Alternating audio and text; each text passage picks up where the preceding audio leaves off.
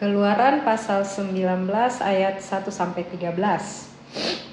Pada bulan ketiga setelah orang Israel keluar dari tanah Mesir, mereka tiba di padang gurun Sinai pada hari itu juga. Setelah mereka berangkat dari Rafidim, tibalah mereka di padang gurun Sinai, lalu mereka berkemah di padang gurun. Orang Israel berkemah di sana di, di, di depan gunung itu. Lalu naiklah Musa menghadap Allah, dan Tuhan berseru dari gunung itu kepadanya, Beginilah kau katakan kepada keturunan Yakub dan kau beritakan kepada orang Israel. Kamu sendiri telah melihat apa yang kulakukan kepada orang Mesir dan bagaimana aku telah mendukung kamu di atas sayap Raja Wali dan membawa kamu kepadaku. Jadi sekarang jika kamu sungguh-sungguh mendengarkan firmanku dan berpegang pada perjanjianku, maka kamu akan menjadi harta kesayanganku sendiri dari antara segala bangsa, sebab akulah yang mempunyai seluruh bumi. Kamu akan menjadi bagiku kerajaan imam dan bangsa yang kudus. Inilah semuanya firman yang harus kau katakan kepada orang Israel.' Lalu datanglah Musa dan memanggil para tua-tua bangsa itu dan membawa ke depan mereka segala firman yang diperintahkan Tuhan kepadanya. Seluruh bangsa itu menjawab bersama-sama, "Segala yang difirmankan Tuhan akan kami lakukan." Lalu Musa pun menyampaikan jawab bangsa itu kepada Tuhan. Berfirmanlah Tuhan kepada Musa, Sesungguhnya aku akan datang kepadamu dalam awan yang tebal dengan maksud supaya dapat didengar oleh bangsa itu apabila aku berbicara dengan engkau dan juga supaya mereka senantiasa percaya kepadamu. Lalu Musa memberitahukan perkataan bangsa itu kepada Tuhan. Berfirmanlah Tuhan kepada Musa, "Pergilah kepada bangsa itu." Suruhlah mereka menguduskan diri pada hari ini dan besok, dan mereka harus mencuci pakaiannya. Menjelang hari ketiga, mereka harus bersiap, sebab pada hari ketiga Tuhan akan turun di depan mata seluruh bangsa itu di Gunung Sinai. Sebab itu, haruslah engkau memasang batas bagi bangsa itu berkeliling sambil berkata, "Jagalah baik-baik." Jangan kamu mendaki gunung itu atau kena kepada kakinya, sebab siapa pun yang kena kepada gunung itu, pastilah ia dihukum mati. Tangan seorang pun tidak boleh merabanya, sebab pastilah ia dilempari dengan batu atau dipanahi sampai mati. Baik binatang, baik manusia, ia tidak akan dibiarkan hidup hanya apabila sangkakala berbunyi panjang, barulah mereka boleh mendaki gunung itu. Amin.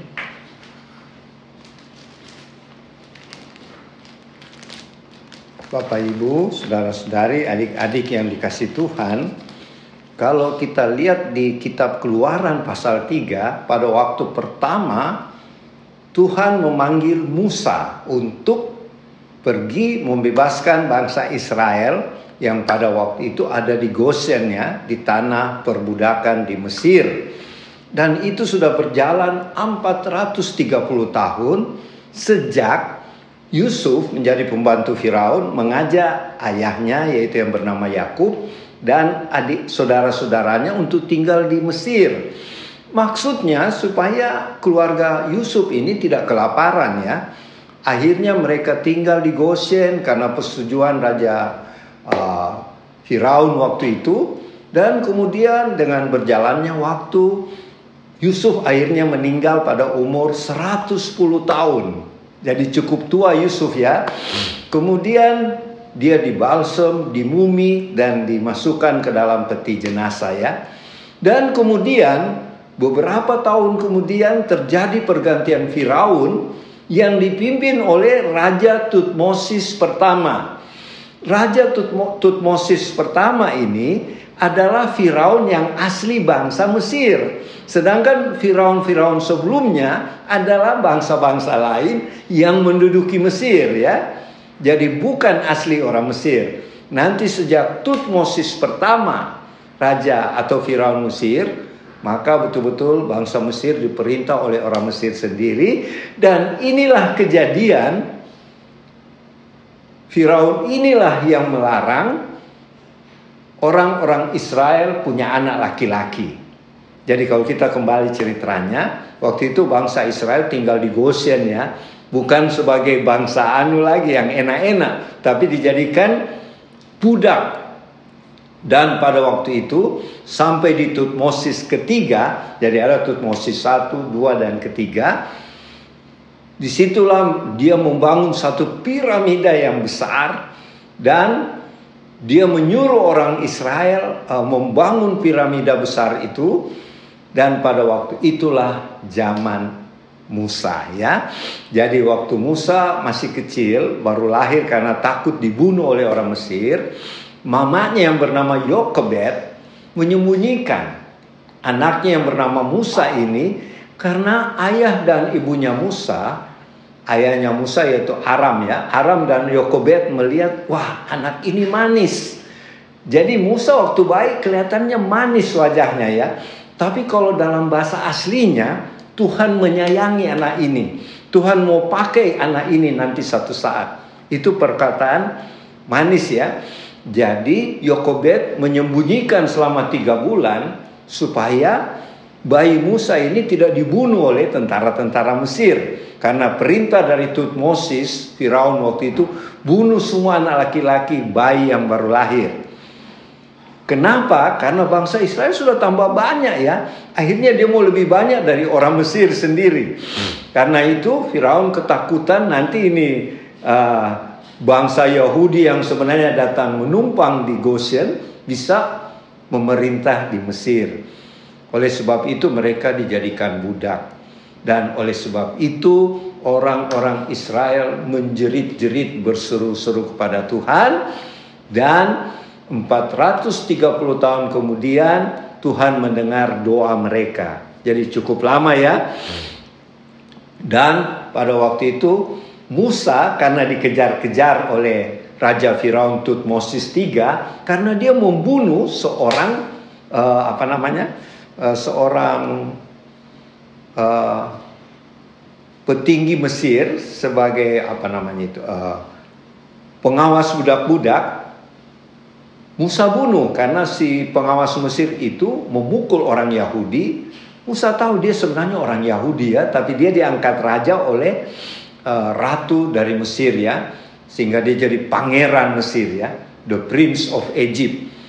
Tapi waktu peristiwa itu Akhirnya Musa memukul mandor ya, mandor Mesir itu dan orang-orang Israel lihat bahwa dia yang membunuh ya. Jadi sebenarnya orang Israel harus berterima kasih, tetapi ketika satu saat ada dua orang Israel bertengkar, budak ya, datang Musa untuk memisahkan, si orang Israel bilang, kamu juga mau pukul aku seperti itu orang Mesir.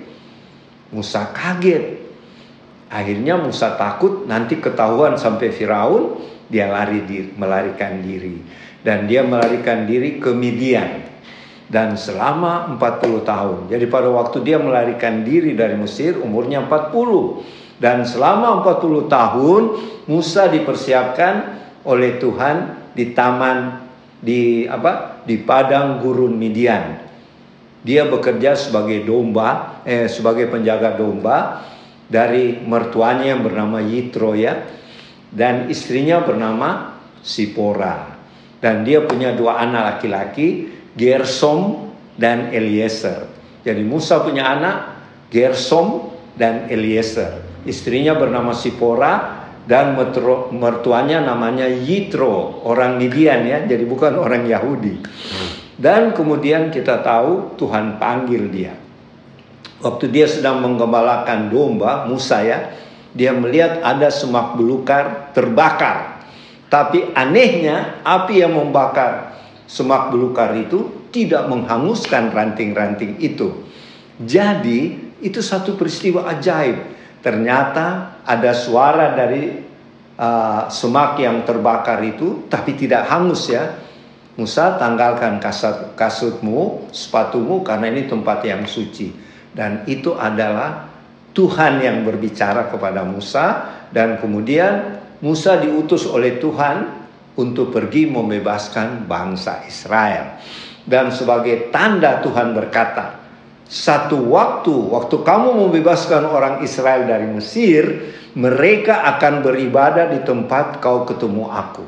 Maksudnya, tempat di mana Musa melihat semak terbakar itu. Itu peristiwanya terjadi di Gunung Sinai. Nah.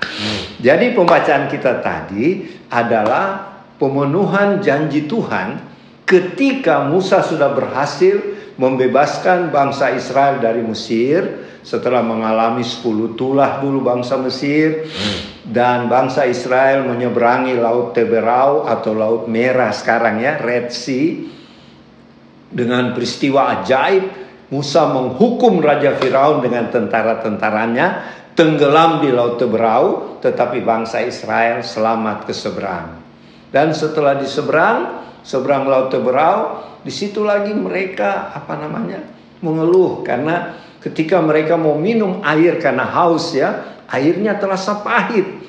Makanya disebut tempat itu disebut Mara.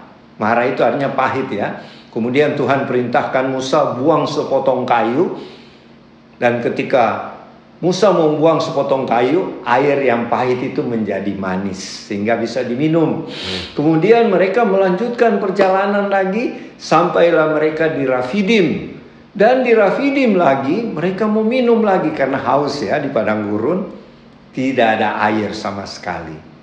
Dan mereka bersungut-sungut lagi. Jadi inilah dosa orang Israel ya. Sudah dibebaskan dari perbudakan di Mesir, tidak tahu terima kasih. Cuma persoalan air mereka bersungut-sungut. Padahal kalau mereka minta baik-baik sama Tuhan, Tuhan berikan kami air, Tuhan kasih ya. Tuhan berikan. Tapi mereka lebih suka bersungut-sungut.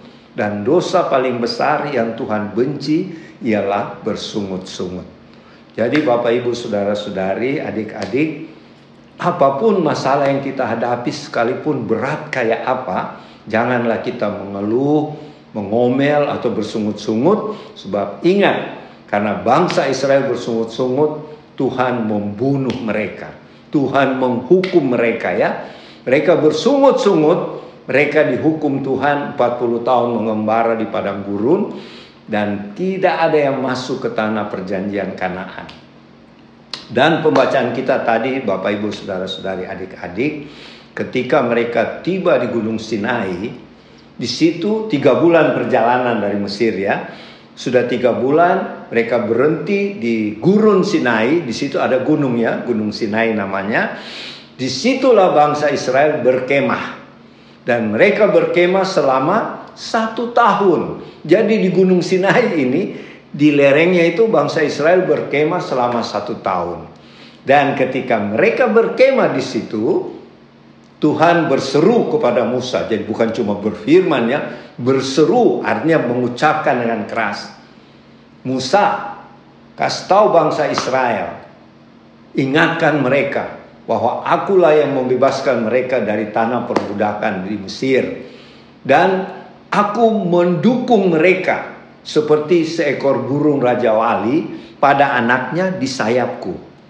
Jadi Tuhan mau suruh Musa ingatkan, hai orang Israel, kamu sekarang yang lagi berkemah di Gunung Sinai ini, ingatlah bahwa kamu dibebaskan dari perbudakan oleh aku Tuhanmu dan sekarang aku menjagamu, aku mendukungmu. Seperti seekor Raja Wali mendukung anaknya di sayapnya ya.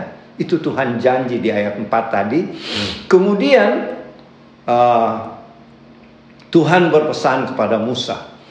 Kalau mereka bangsa Israel mau dengar-dengar firmanku dan mau memegang perjanjianku, aku akan menjadikan bangsa Israel ini harta kesayanganku.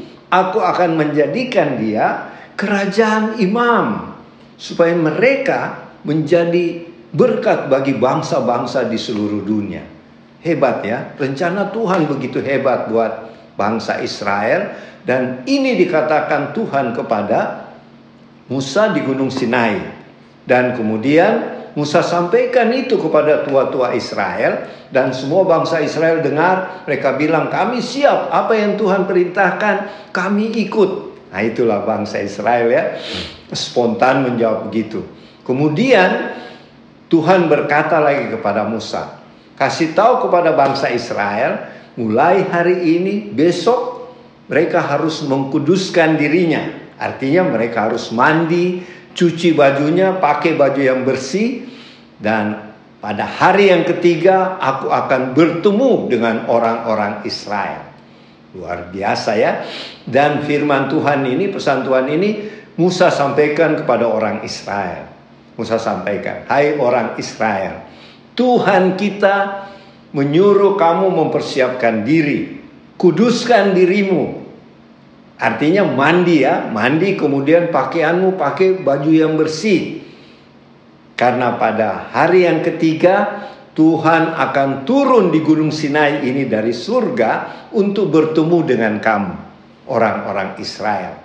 Hebat ya, Tuhan yang menciptakan alam semesta ini, yang kalau bahasa Alkitabnya Yehova Sebaot, artinya Tuhan pencipta alam semesta, dia mau ketemu umat Israel secara khusus ya.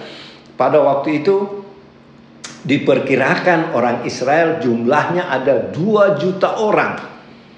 Jadi kalau gereja itu satu apa gereja yang besar ya, jemaat yang besar dan Tuhan datang mau bertemu dengan orang Israel di Gunung Sinai. Makanya Tuhan bilang persiapkan dirimu, kuduskan dirimu, pakai pakaian yang bersih.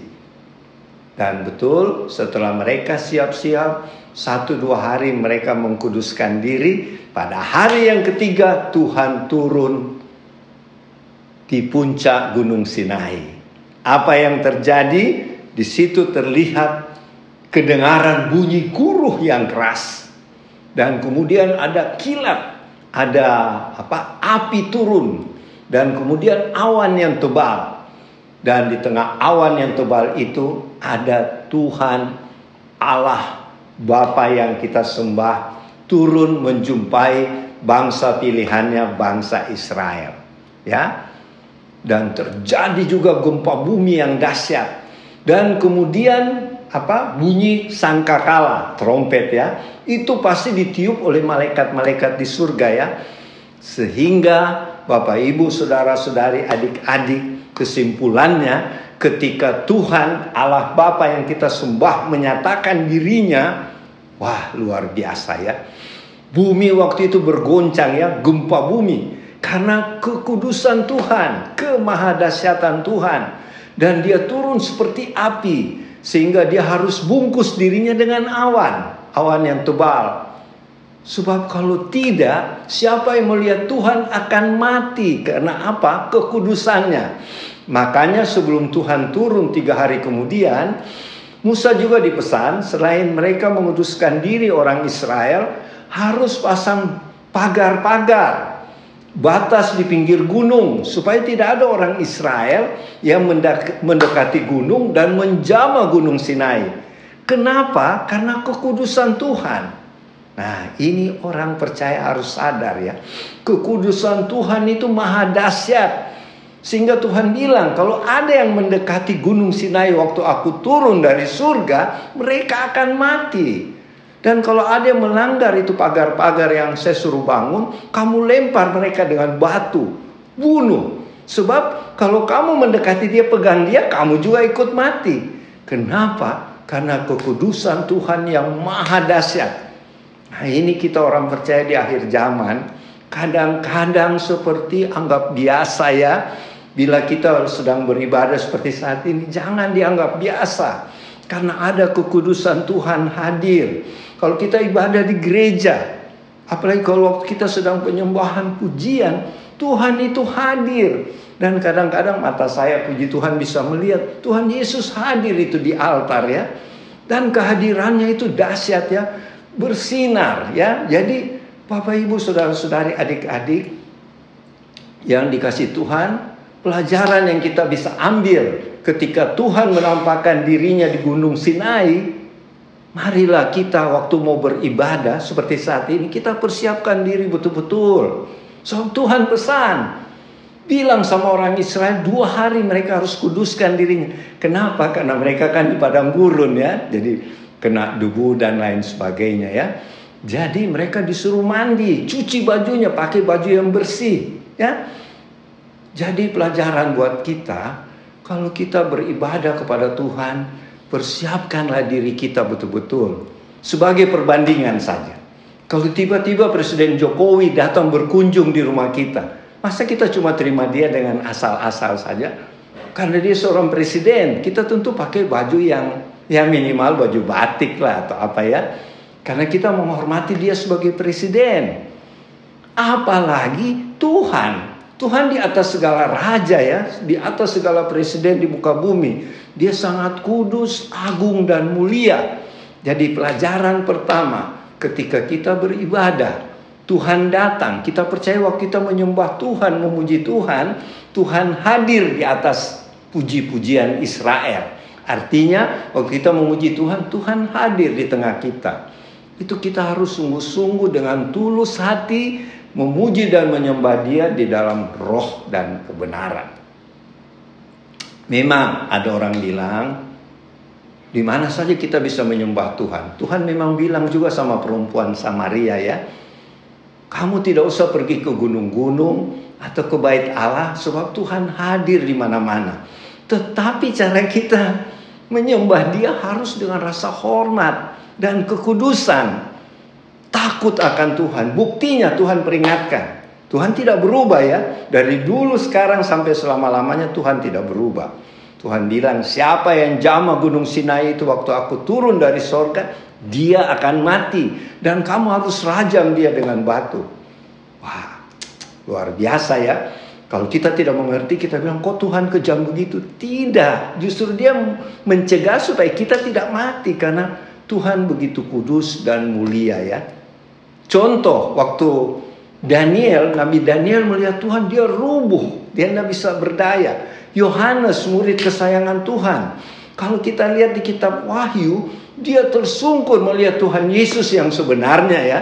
Yang sekarang ada di surga, dia tersungkur dan dia seperti orang mati juga. Jadi itu semua karena kekudusan, kemahadasyatannya Tuhan. Jadi marilah mulai hari ini kita mau sungguh-sungguh menyembah Tuhan dengan hati yang tulus, dengan kerendahan hati sebab Tuhan melihat hati kita ya. Dan biarlah firman Tuhan hari ini bisa kita pakai dalam kita menjalani kehidupan kita terutama ketika kita berjumpa dengan Tuhan lewat ibadah seperti di gereja, di persekutuan maupun secara pribadi kita masing-masing dengan Tuhan ya. Kiranya firman Tuhan hari ini memberkati kita sekalian. Dan selanjutnya nanti Oma Palar yang akan melengkapi. Selamat siang Bapak Ibu, saudara-saudari, teman-teman warlot di rumah. Kita jumpa lagi saya siang ini saya akan menambah sedikit apa yang tadi Opa katakan. Uh, saya simpulkan satu uh, simpulkan pembacaan kita bagaimana Tuhan menampakkan menyatakan diri di hadapan manusia menampakkan kehidupan kekudusannya ya saya tidak ulangi apa yang Opa katakan tadi Mari kita berbicara arti daripada yang Tuhan katakan bahwa di, menyatakan dirinya di hadapan kita sebagai manusia. Bagaimana kita harus memandang memandang Tuhan, Tuhan lebih dulu menyatakan dirinya kepada kita. Itulah Tuhan kita. Kita menjalani, menjalani kehidupan ini, kita mengetahui kehidupan ini lebih dulu Tuhan yang menyatakan. Tuhan menyatakan dirinya karena Dia yang menciptakan kita. Di sini Dia menyatakan kekudusannya, kesuciannya. Pertanyaan bagi kita saat ini generasi kita, di mana kita mau pernyataan Tuhan tentang dirinya di dalam kehidupan kita. Layakkah kita menerima itu? layakkah Tuhan menyatakan dirinya itu dengan apa yang dia sudah katakan dan kita menerimanya, kita menerimanya atau tidak. Dan saya katakan waktu Tuhan menyatakan itu, kita harus menyambutnya, meresponinya. Tadi Opa sudah katakan bagaimana waktu Musa itu zaman kita melihat itu zaman perjanjian lama. Tuhan menyatakan dirinya pada bangsa Israel yang menjadi contoh bagi kita zaman generasi saat ini, generasi akhir tahun akhir zaman saat ini. Kita bisa membandingkan apa yang Tuhan katakan waktu Tuhan membentuk suatu bangsa ya dengan kita yang saat ini menjadi bangsa Israel baru ya apa yang kita bisa melihat itu yang perlu kita ambil. Di situ banyak sekali yang tadi Opa katakan bagaimana Tuhan tidak bisa kita di situ saya merenungkan bagaimana Tuhan pada waktu bangsa Israel tidak ada hal yang mudah untuk mendekati Tuhan. Tuhan memberikan rambu-rambunya. Kenapa itu ada perbedaan? Ya, karena Tuhan suci. Bukan karena kita tidak suci, tapi kita sudah dicemari oleh keadaan dunia ini. Jadi Tuhan katakan dirinya, keskudusannya, kesuciannya, tapi juga kasihnya yang luar biasa. Saya sedikit menyimpulkan waktu Musa diperintahkan disuruh oleh Tuhan menyatakan dirinya terhadap bangsanya ya. Di situ saya melihat uh, Tuhan sangat berba senang sangat uh, responnya bangsanya terhadap Tuhan sendiri menyambutnya luar biasa dengan ada kata mereka ber, mengatakan iya ya ada di situ ayatnya saya tidak ulangi bagaimana mereka meresponinya me, Tuhan menyatakan dirinya memberkati mereka dan Tuhan menyatakan untuk bertemu dan pertemuan Tuhan itu didasari kata bangsa Israel dengan serentak mengatakan apa yang dipesankan oleh Musa dari Tuhan kepada mereka. Mereka mengatakan pengakuan. Iya, ada kata pengakuan. Di situlah awal Tuhan meresponi mereka mengakui Tuhan. Dan Tuhan katakan, persiapkan dirimu, aku akan bertemu. Dan selanjutnya saya tidak ulangi di situ. Tapi ada apa kaitannya untuk kita generasi kita saat ini? Apakah itu masih berlaku? Ada dua perbedaan. Ada perbedaan antara yang Musa dengan zaman kita. Zaman kita sepertinya ada kebebasan, ada pilihan.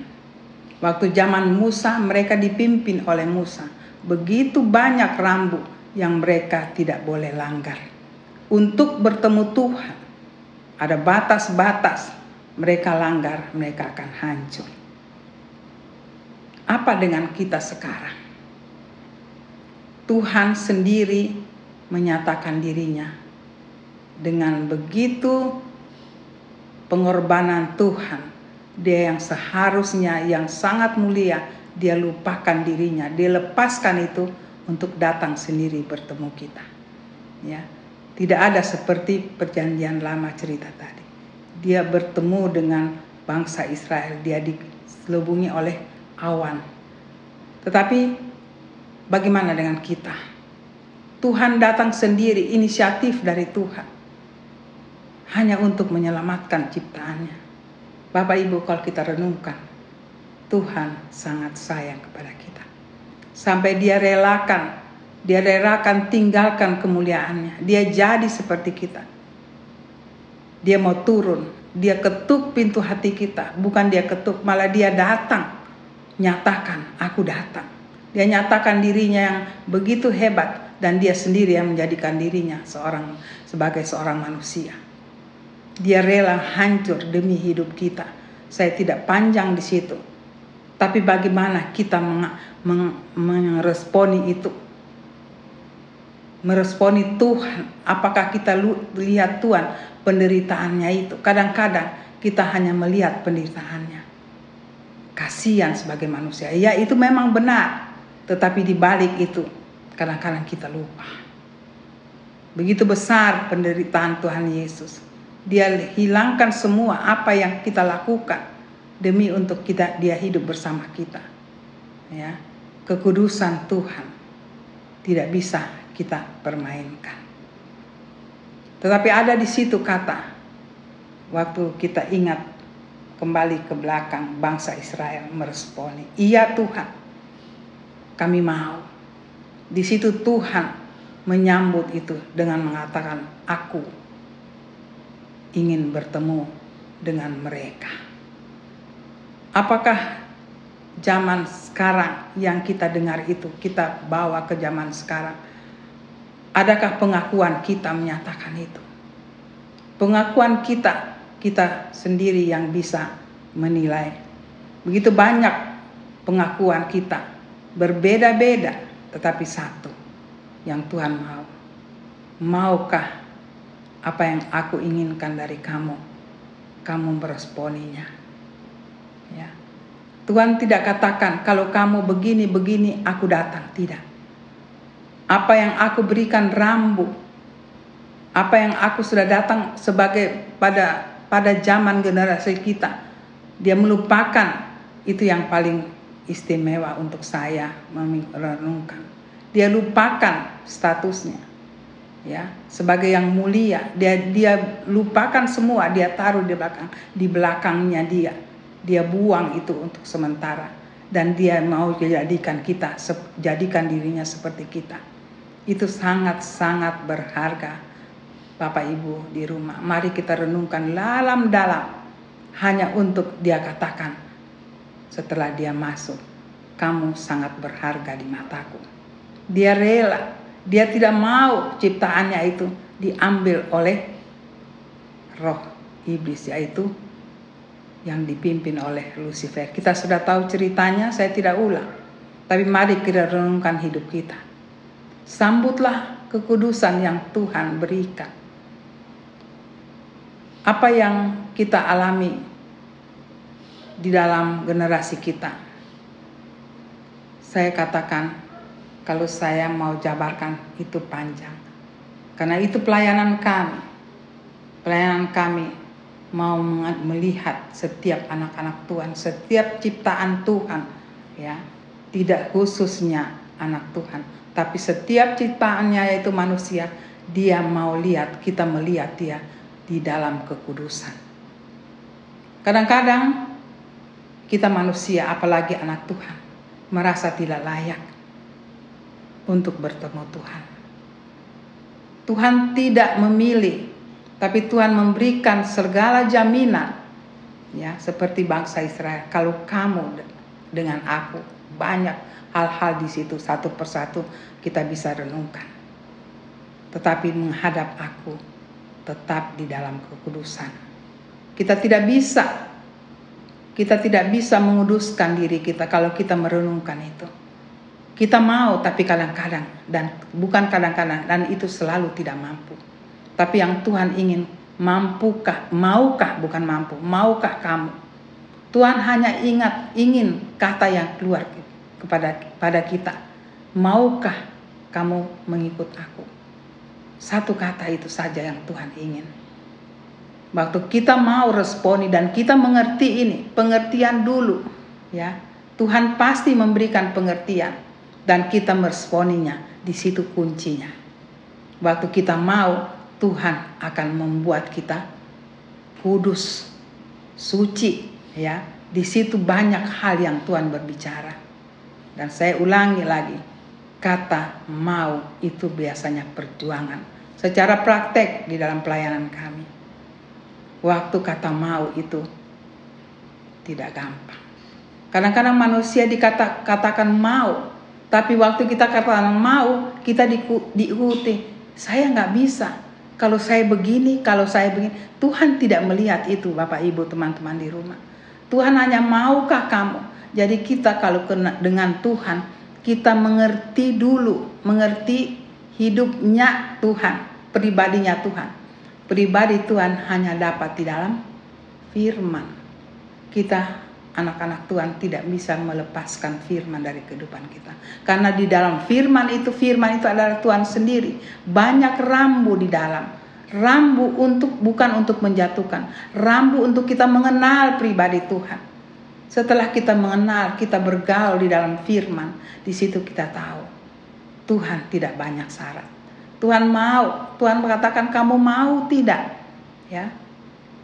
Tapi kita harus mengaku manusia kita manusia kita sangat rentan dengan hal-hal demikian. Sebelum kita mengaku banyak hal yang kita pikirkan. Itu memang wajar karena kadang-kadang kita menyadari kita tidak layak.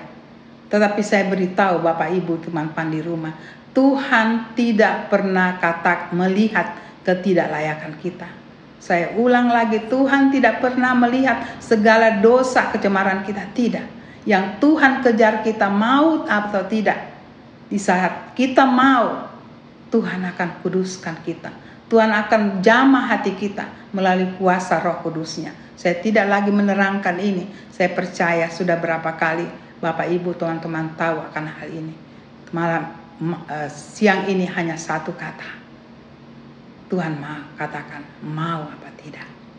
Dan waktu kita mau, saya katakan, saya sedikit ulang ini, karena ini inti dari kehidupan kita bersama Tuhan.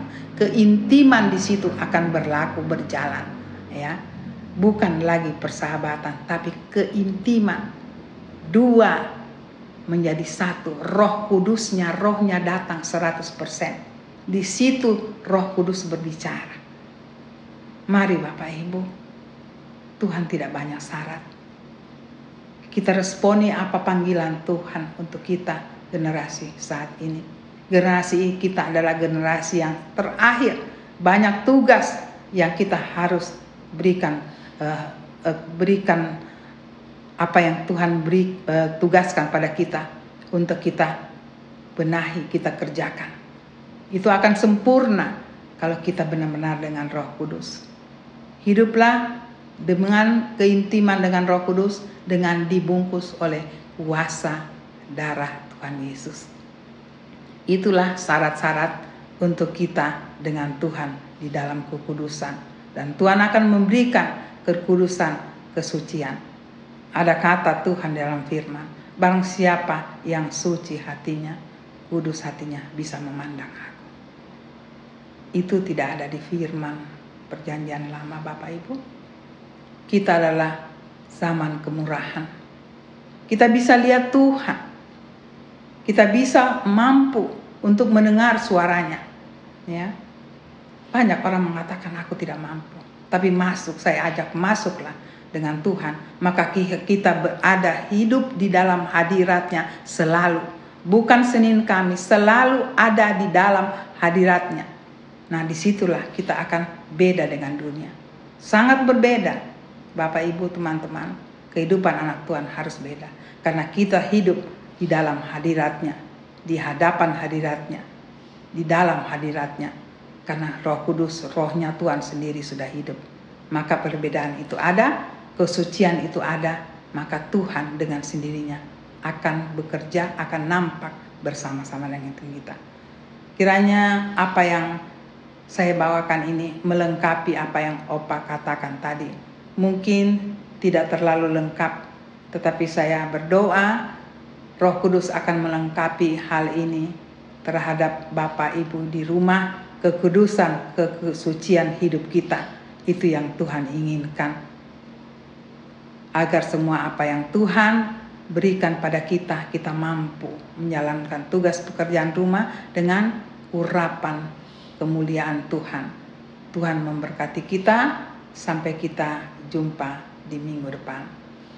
Maranatha, Tuhan Yesus memberkati. Amin.